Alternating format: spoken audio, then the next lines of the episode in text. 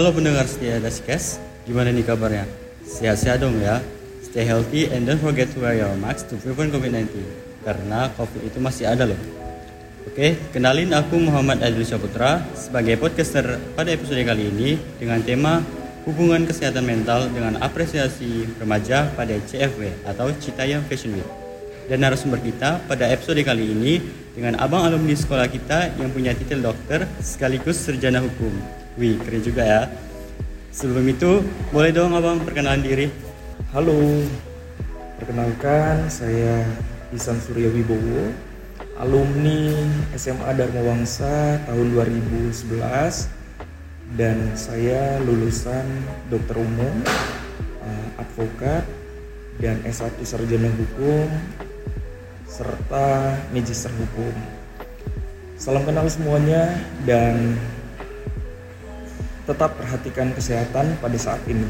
Sesuai dengan tema kita kali ini yang berkaitan dengan CFW. Nah, sebagai informasi singkat nih, CFW itu singkatan dari Cita Fashion Week yang bermula dari video kayak wawancara yang dilakukan oleh beberapa konten kreator untuk konten-konten TikTok. Sekali mereka upload, sering nih sekali upload, boom, booming gitu. Nah muncullah uh, tokoh-tokoh yang menaikkan atau nge up uh, nama CFW tadi seperti si Bonge, si Kurma, dan JJ yang ciri khasnya dengan ngomong slebel. Pasti kalian gak asing kan yang namanya JJ. Nah menurut pandangan dokter Isa nih, apa sih uh, di pandangan dokter dia tentang CFW itu? Oke, uh, di sini saya ingin menyampaikan bahwasannya pandangan saya uh, dari segi uh, psikososial ya baik dari uh, kesehatan fisik mental karena apa? Para remaja sekarang itu yang harus diperhatikan itu adalah kesehatan fisik untuk uh, mendukung dari pendidikannya. Dan yang kedua apa? Untuk sebagai penunjang fisiknya yaitu adalah kesehatan mental. Ketika dikaitkan dengan kesehatan mental dan yang lagi booming saat ini yaitu adalah CFW ya Citayam Fashion Week di mana di sini sebenarnya terjadi ketidakpahaman para remaja untuk meletakkan di, di mana cara untuk mengapresiasikannya. Baik itu dengan uh, cara fashion yang saat ini booming sehingga uh, terjadinya kesalahpahaman para remaja tersebut. Di mana salahnya? Yaitu ketika melakukan uh, Fashion Week itu di Zebra Cross karena kita ketahui bersama itu adalah untuk para pejalan kaki. Itu dia. Sehingga perlu diperhatikan juga di sini untuk uh, pemerintah provinsi masing-masing daerah untuk memahami nih keinginan para remaja saat ini itu seperti apa. Karena para remaja tidak bisa kita pungkirin mereka ingin sekali untuk mengeksplorkan bakat yang telah dia miliki. Tetapi ketika pemerintah tidak mengapresiasikan ataupun tidak memberikan wadah untuk mengapresiasikan kemampuannya, maka terjadinya kesalahpahaman. Itu dia. Saya rasa di situ ada dampak positif dan negatifnya. Mungkin itu, Aidil. Nah, tadi kan sesuai dokter Isan bilang ada dampak negatif dan positifnya. Untuk dampak negatifnya tuh apa sih dok? Oke, dampak negatifnya di sini kita lihat uh, mengganggu ya, mengganggu masyarakat umum. Itu dia karena masyarakat umum itu dia tidak memahami keinginan para remaja tersebut ya. Dari segi uh, kebersihan lingkungan dari segi uh, tempat perjalanan umum yang seolah-olah hanya mereka yang memiliki. Padahal itu adalah untuk perjalanan umum menyeberangi suatu jalan. Itu dia. Dampak positifnya apa? Dan semakin uh, booming ataupun semakin diperhatikannya suatu daerah tertentu. Misalnya seperti uh, wilayah Jakarta itu menjadi booming untuk uh, terjadinya pengeksploran uh, Fashion Week tadi. Itu dia.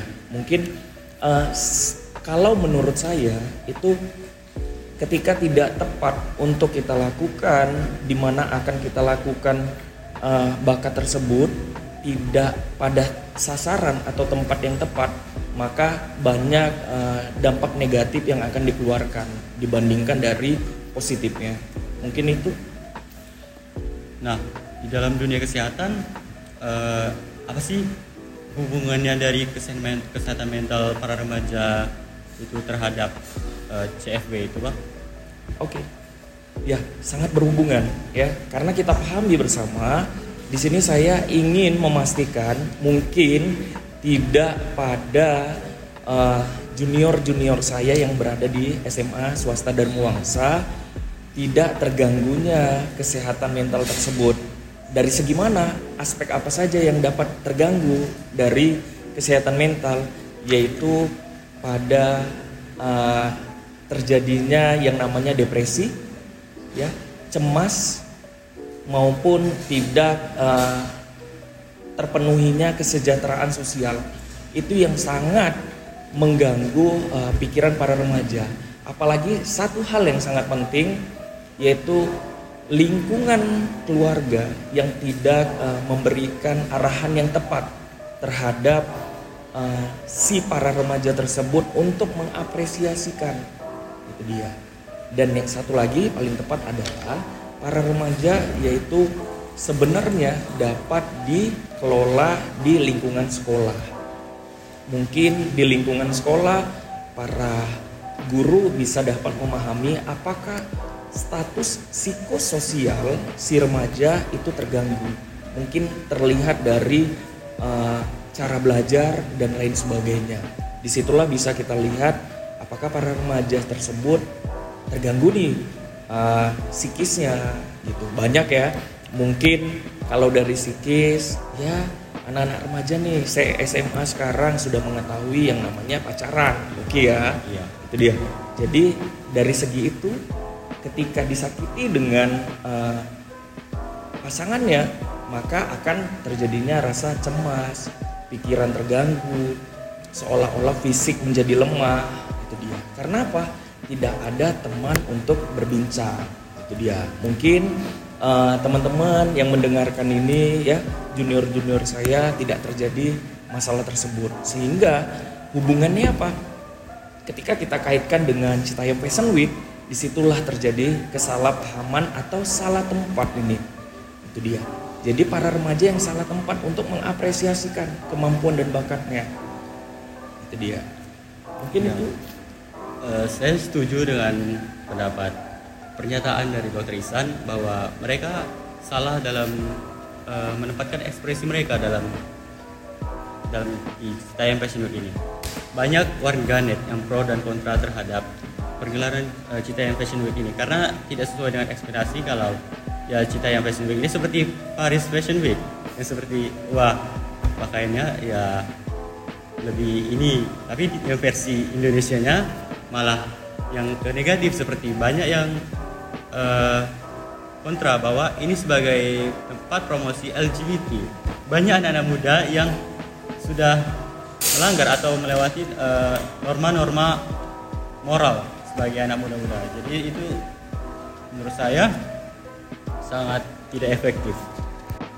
Jadi gimana nih tanggapan dokter Isan mengenai uh, warganet yang kontra terhadap Citayam Fashion Week sebagai menyebutkan bahwa Citayam Fashion Week ini jadi tempat promosi LGBT. Oke, kita ketahui nih ya banyak memang uh, komen-komen nih warganet uh, terhadap pandangan tersebut. Ada yang pro, ada yang kontra. Itu dia. Ketika kita uh, ketahui bersama di Indonesia itu banyak yang namanya beragama umat muslim. Itu dia. Jadi kita tidak bisa pungkirin bahwasannya uh, iya yang benar-benar uh, wanita dan pria ya sesuai dengan faedahnya ataupun uh, syariatnya. Itu dia. Ketika kita uh, menggaris luruskan dengan aspek agama Islam itu sangat uh, tidak efektif. Ketika dijalankan uh, seorang laki-laki yang memakai uh, pakaian perempuan. Begitu juga sebaliknya ya otomatis banyak yang uh, kontra. Dia. Tetapi pro juga memang ya bagus. Seperti seperti di negara-negara lainnya fashion weeknya tersebut gitu.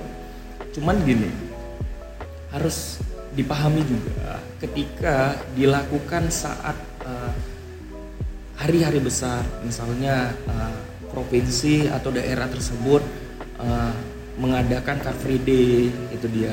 Sehingga jalan umum tadi itu bisa hanya diselenggarakan event-event tertentu. Itu oh, it's okay gitu kan. Jadi tidak ada kendala di situ. Uh, ketika fashion week diadakan di jalan raya ya di zebra cross ketika dalam momen-momen tertentu itu dia kalau car free day oke okay lah. Tidak ada ya uh, yang namanya kendaraan-kendaraan umum. Uh, hanya pejalan kaki doang. Saya rasa sih tidak ada masalah gitu. Tetapi ketika ngumpulnya para LGBT itu yang menjadi suatu konflik masalah yang terbesar. Itu dia. Karena apa? Itu yang tidak kita inginkan. Karena apa? Di situ yang saya katakan terjadinya kesalahan pada kesehatan mentalnya. Kenapa terlalunya terlalu berlebih untuk mengapresiasikan minat dan bakatnya ketika mengapresiasikan minat dan bakatnya sesuai dengan porsinya sesuai dengan kemampuannya, sesuai dengan keinginannya, selagi tidak menyalahi kodrat dan aturan. Itu menurut saya. Jadi apa? Ketika sudah menyalahi kodrat dan aturan, berarti terjadinya uh, kesalahan pada kesehatan fisik dan mentalnya. Di sinilah yang saya tekankan juga perlu diperhatikan dari lingkungan keluarga, baik orang tua, ya, sanak saudara, yang berada di lingkungan keluarganya untuk lebih memperhatikan apakah terdapat nih anak saya, adik saya uh, suatu kendala ataupun masalah dari hidupnya. Sehingga mengapresiasikan itu tidak terjadinya kesalahan. Itu. Di Citayam Fashion Week banyak nih eh, anak-anak muda yang berpakaian tidak sesuai dengan kontraknya ada nggak sih uh, kesalahan orang tua dalam memperhatikan anak-anak muda tersebut menurut dokter Isan?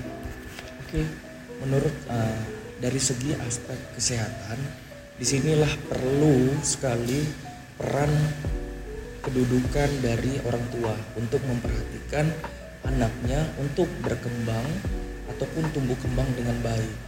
Ketika uh, pada anak laki-laki ya sesuai dengan uh, perannya yaitu harus diperhatikan dari sejak dini ya dari kecil uh, ya kita itu sebagai orang tua tidak boleh yang namanya uh, memperkenalkan boneka ya pakaian-pakaian uh, wanita ya sesuai ketika anaknya laki-laki ya harus diperkenalkan dengan pakaian-pakaian outfit anak laki-laki. Begitu juga ya main-mainan dengan uh, mobil-mobilan dan lain sebagainya. Itu dia. Di sini sangat terjadi uh, tidak adanya perhatian kedua orang tua. Itu dia. Mengapa? Jadi si anak salah mengapresiasikannya mengeksplorkannya ketika dianggapnya itu baik tetapi sebenarnya itu tidak baik untuk uh, dipakai atau dilakukan. Itu dia. Jadi di sinilah peran orang tua untuk memilah apakah si anak ini sudah tepat uh, seperti pakaian sikap dan lainnya atau tidak. Ketika tidak, maka jangan langsung memarahin, tetapi di sini diberikan arahan sehingga anak tersebut menjadi sahabat juga terhadap orang tua. Jadi di sinilah perlunya kita memperhatikan bahwasannya anak itu akan lebih efektif uh, menjadi juga sahabat para orang tuanya. Ketika si anak mengada, uh, lagi ada masalah, jadi si ibu ini bisa menjadi sahabatnya yang untuk dapat menyelesaikan suatu permasalahan yang telah ia alami. Itu mungkin yang ingin sekali didapatkan para remaja-remaja sekalian. Mungkin uh, saya juga dulu uh, duduk di bangku SMA, banyak sekali teman-teman saya yang sebenarnya uh, terjadinya kurang perhatian ini terhadap kedua orang tuanya. Sehingga untuk mengapresiasikan minat dan bakat maupun cara belajarnya itu banyak yang salah. Itu dia. Mungkin itu uh, dan dapat menjadi masukan juga para remaja. Uh, tidak ada salahnya juga uh, kalian adik-adik aku uh, untuk uh, memberikan masukan terhadap kedua orang tua. Karena kedua orang tua juga pastinya sangat membutuhkan uh, masukan terbaik dari adik-adik uh, sekalian. Itu dia. Jadi jangan pernah malu untuk uh, bercerita bercanda gurau terhadap kedua orang tua. Karena apa? Pendidikan yang paling berharga pendidikan yang paling nomor satu adalah pendidikan yang berada di lingkungan keluarga ataupun dalam keluarganya bukan di lingkungan sekolah. Karena apa? Lingkungan sekolah adalah lingkungan untuk mendukung dan lebih mengarahkan cara pendidikan seperti apa. Itu aja dilihat dari kasus uh, anak-anak muda di Citayam Week ini uh, ada beberapa faktor yang menyebabkan anak-anak muda tersebut uh, berperilaku seperti itu. Ada faktornya seperti faktor internal dan faktor eksternal. Faktor internalnya ya dari faktor orang tua dan faktor eksternal itu bisa jadi dari lingkungan pertemanannya. Nah gimana sih kalau misalnya anak-anak muda tersebut sudah masuk ke dalam uh, lingkungan pertemanan yang toksik menurut dokter Isan gimana sih uh, soft problem soft problemnya untuk mereka keluar dari zona itu? Menurut dokter Oke, untuk adik-adik aku di sini perlu uh, saya beritahukan ketika terjadinya faktor eksternal tadi mungkin uh, para generasi muda, para anak-anak remaja saat ini bisa memilah ya mana yang baik untuk dirinya dan mana yang buruk untuk dirinya. Sehingga ketika oh ini dampak buruk ini buat diri saya, maka cepat-cepat untuk menjauhi.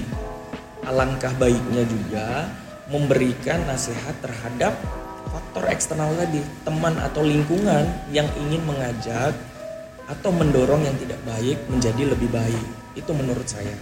Terus untuk faktor internal ketika dalam lingkungan keluarga itu yang kurang baik tadi itu menjadikan suatu gambaran bahwasannya ya udah tidak usah diambil itu dia. Jadi kita bisa memilih nih para remaja saya yakin bisa memilih mana yang baik dan mana yang buruk. Ketika buruk kita bisa nih ngasih masukan terhadap kedua orang tua.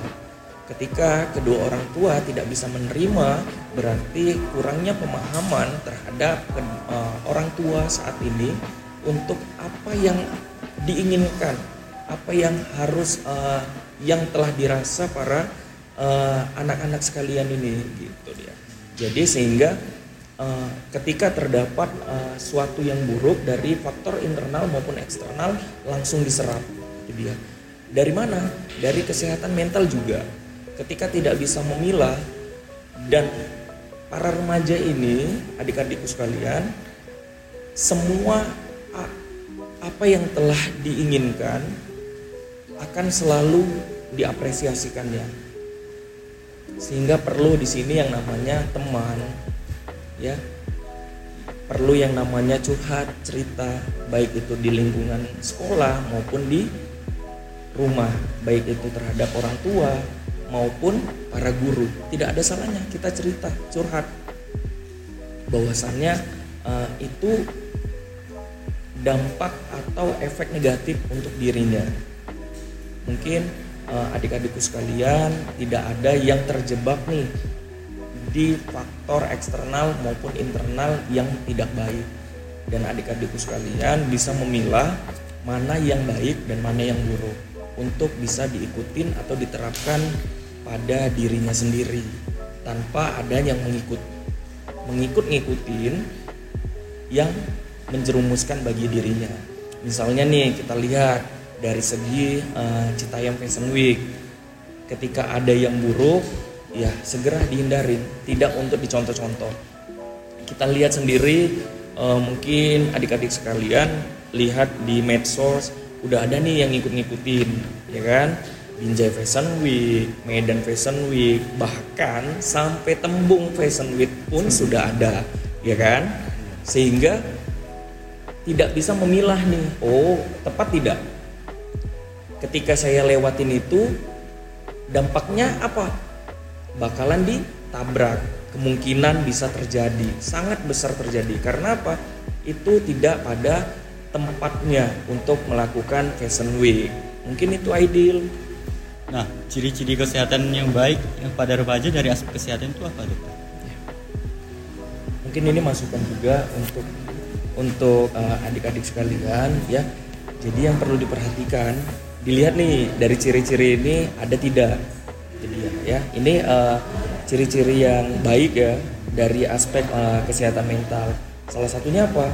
Merasa lebih bahagia ya dan lebih positif tentang diri mereka sendiri dan menikah, menikmati dari uh, hidupnya. Itu dia. Jadi di sini kita melihat oh aku nih harus lebih bahagia gitu. Dia lebih uh, merasa bahagia senang ya. Tapi tetap uh, apa yang dilakukannya itu menjadi positif bagi dirinya.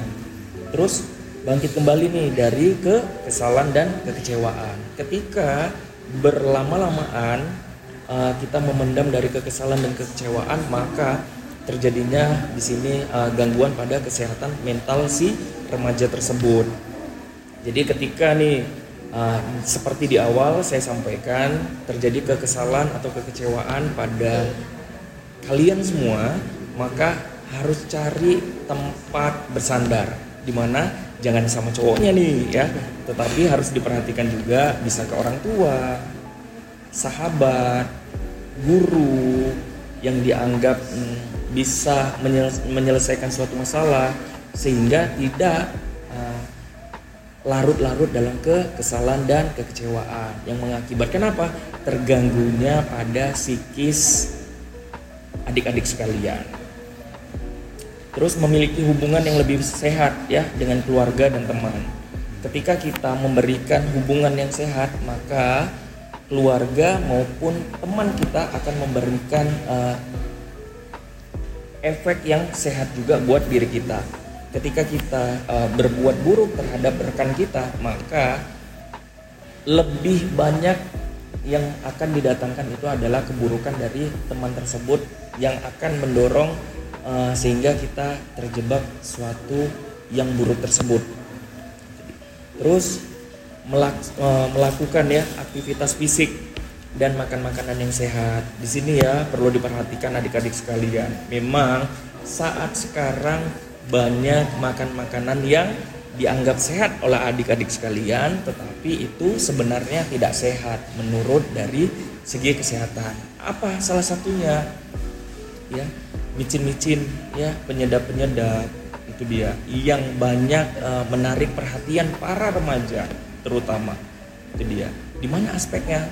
ya dari segi kesehatan sangat tidak baik. Karena apa? Di situ banyak zat-zat kimia yang dapat memberikan efek buruk terhadap tubuh maupun organ pada tubuh kita. Itu dia. Terutama nih ya pada uh, para remaja-remaja kaum wanita. Di mana sering sekali merasakan saat menstruasi mengalami sakit. Itu dia. Karena apa akibatnya di situ banyak yang salah terhadap mengkonsumsi makanan itu ya sehingga terjadinya bisa terjadi uh, terganggunya pada uh, saat menstruasi yaitu yang dikenal dengan sembugut ya mungkin para wanita sudah mengetahui yang perlu sangat memerlukan obat-obatan anti nyeri. Jadi itu yang sangat uh, harus diperhatikan. Terus kita harus lebih menyibukkan dengan eh, kegiatan-kegiatan uh, ya.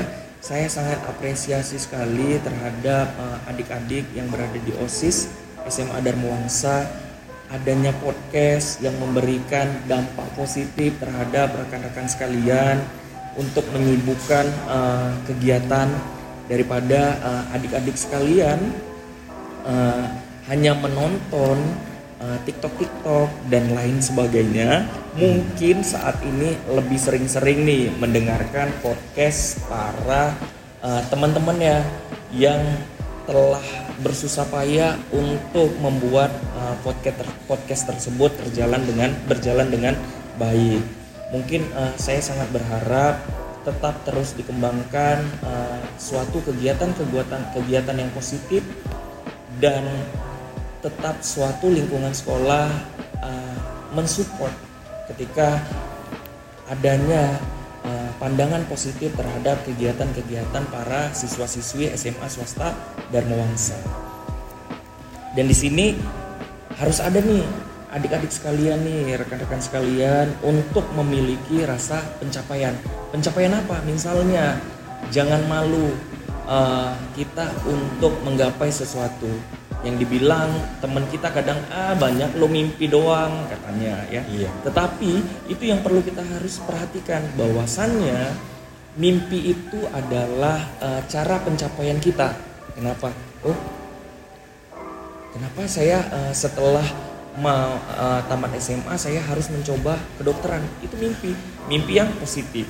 Daripada mimpi oh tamat SMA saya nanti ingin menjadi kurma.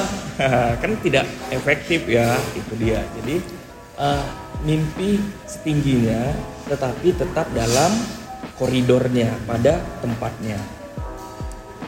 Terus bisa juga uh, bersantai ya atau tidur yang nyenyak dia saya juga uh, banyak nih memperhatikan para remaja saat ini ketika tidur itu larut malam ya.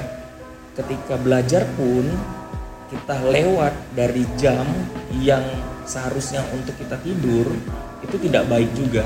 Karena apa?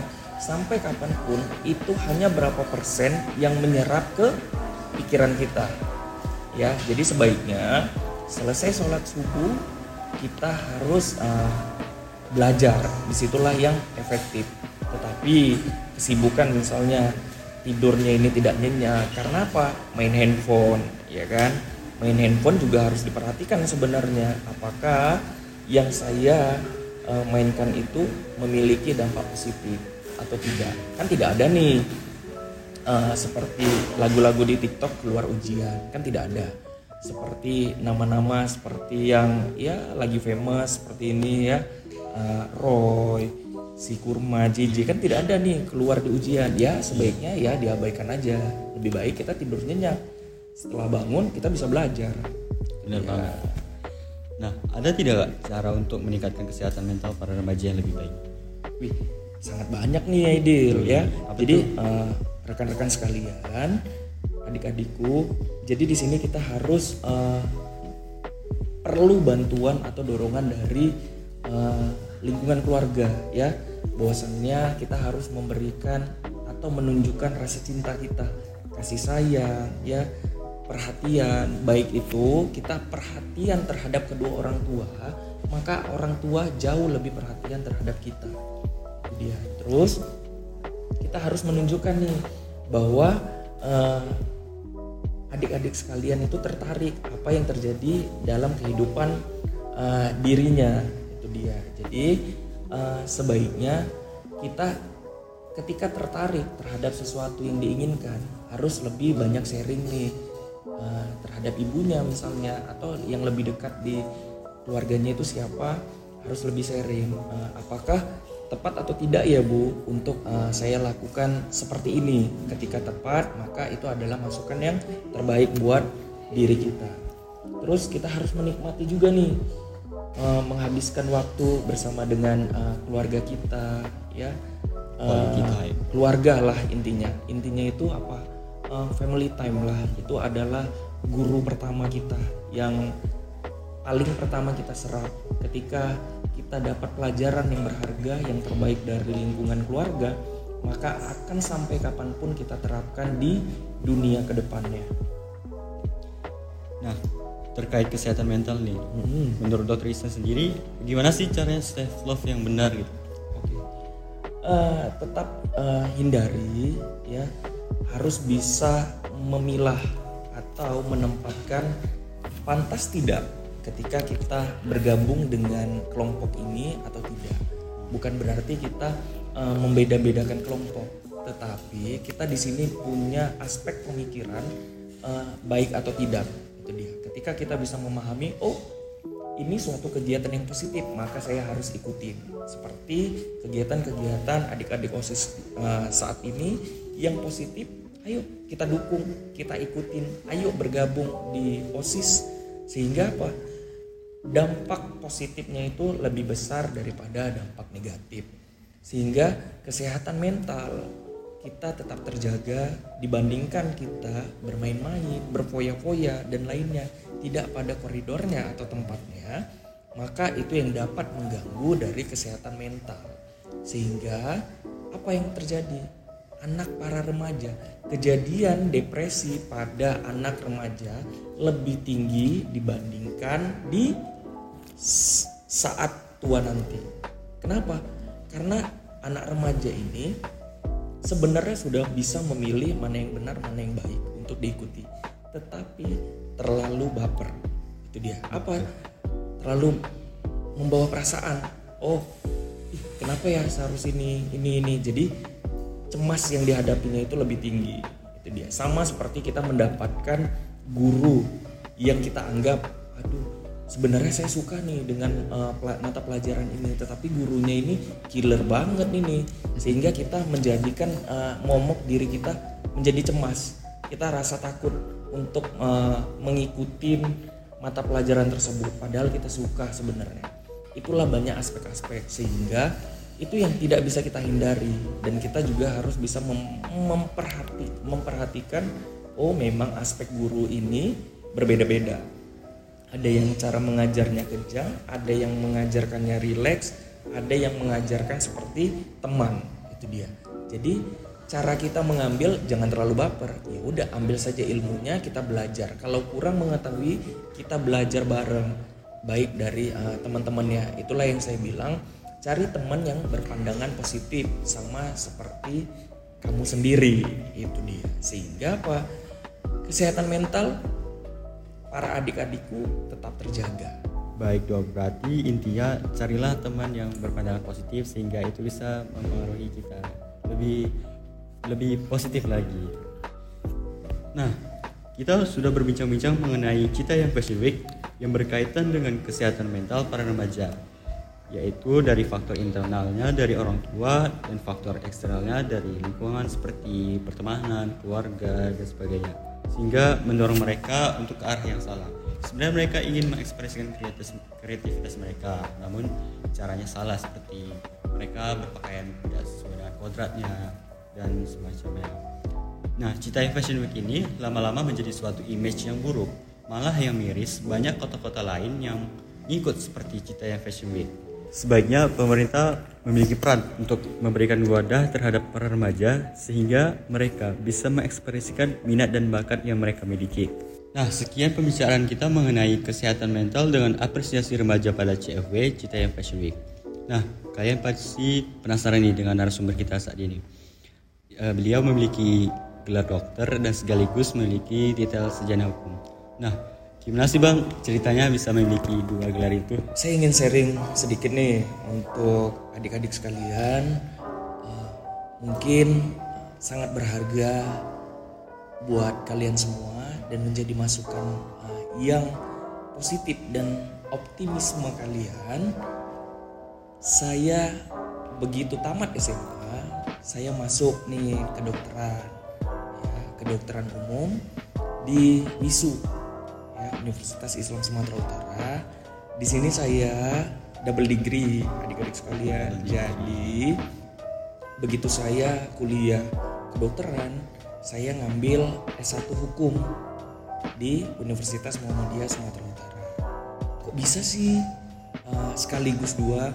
Memang kalau dija dijalanin atau dipikir-pikir ulang, kok bisa ya sama? Saya juga uh, berpikiran seperti itu tapi ketika kita lakukan segala hal dengan tekun, optimis, pasti akan bisa terselesaikan dengan cara yang baik juga. Ketika kalian uh, bersahabat dengan sahabat yang memberikan positif terhadap kalian, maka akan positif juga yang akan kalian dapatkan. Jadi jangan pantang menyerah buat adik-adik sekalian uh, saya rasa dan saya inginkan untuk generasi-generasi selanjutnya bisa lebih nih dari senior-seniornya. Waduh, senior saya aja bisa, kenapa saya tidak? Itu menjadi uh, motivasi buat adik-adik sekalian. Jangan takut.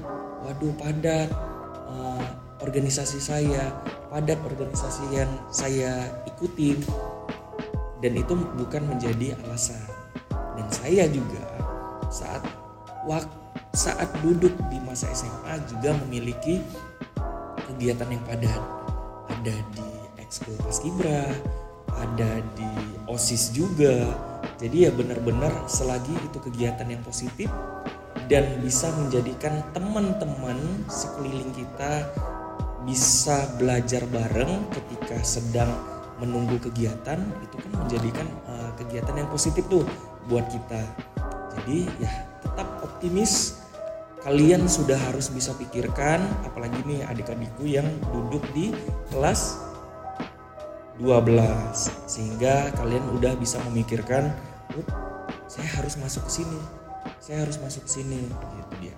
Jadi mau di mana pun kalian kuliah itu tidak ada bedanya. Baik di swasta maupun di negeri yang membedakan nanti adalah ketika kalian tamat dan kalian memiliki pekerjaan yang baik, itu yang menjadi penopang atau uh, kebahagiaan buat kalian. Itu dia. Dan jadi uh, saya juga selagi saya uh, sudah lulus nih sarjana kedokteran dan sarjana hukum, di situ saya uh, koas yang namanya dokter muda itu sudah berpraktek di rumah sakit dan kami ini sudah ditugaskan di rumah sakit untuk langsung terjun ke pasien langsung. Di situ juga saya disibukkan dengan kuliah magister hukum. Kenapa nih? Uh, kok dokter Isan mengarahnya ke hukum ya ambilnya gitu? Karena saya uh, punya keinginan untuk ke dokter forensik ya. Jadi mungkin adik-adik sekalian kalau sering dengar-dengar berita nih tentang adanya pembunuhan apalagi yang saat ini ada yang brigadir yang E apa J ya, ya brigadir uh, Joshua. Itu pasti ada tuh dokter-dokter forensiknya yang turun tangan untuk menyelesaikan suatu permasalahan. Dan saya itu uh, memiliki cita-cita tuh impian ke sana gitu. Jadi saya harus memiliki pembekalan pada diri saya. Apa aja sih kesibukan dokter Isan selain dokter umum? Ya, jadi saya juga uh, setelah menjadi seorang advokat pengacara uh, mungkin itu dilakukan ujian juga. Jadi kalian gak bakalan pernah yang namanya lepas dari ujian. Mau kalian bekerja pun ada ujiannya, itu dia. Begitu ingin mendapatkan titel sesuatu harus ada ujiannya. Jadi jangan pernah lelah yang namanya ujian. Jadikanlah ujian itu pembelajaran buat adik-adikku sekalian. Jadi setelah ujian lulus dapat gelar advokat, itulah yang di depan saya ADV dan saya mengajar di uh, menjadi salah satu dosen uh, hukum kesehatan di universitas swasta di Kota Medan. Mungkin itu dan menjadi gambaran positif. Jangan pernah lelah belajar, jangan pernah lelah mengikuti organisasi selagi itu positif, jalani, ikuti, laksanakan. Mungkin itu uh, masukan yang sangat berharga buat adik-adikku sekalian. Nah, jadi sudah terjawab ya sobat-sobat asis bahwa Dokter Isan ini bisa mendapat gelar dokter sekaligus sarjana hukum itu uh, beliau mengambil double degree. Baiklah, sekian pembicaraan kita pada episode kali ini. Sampai jumpa di episode selanjutnya. See you.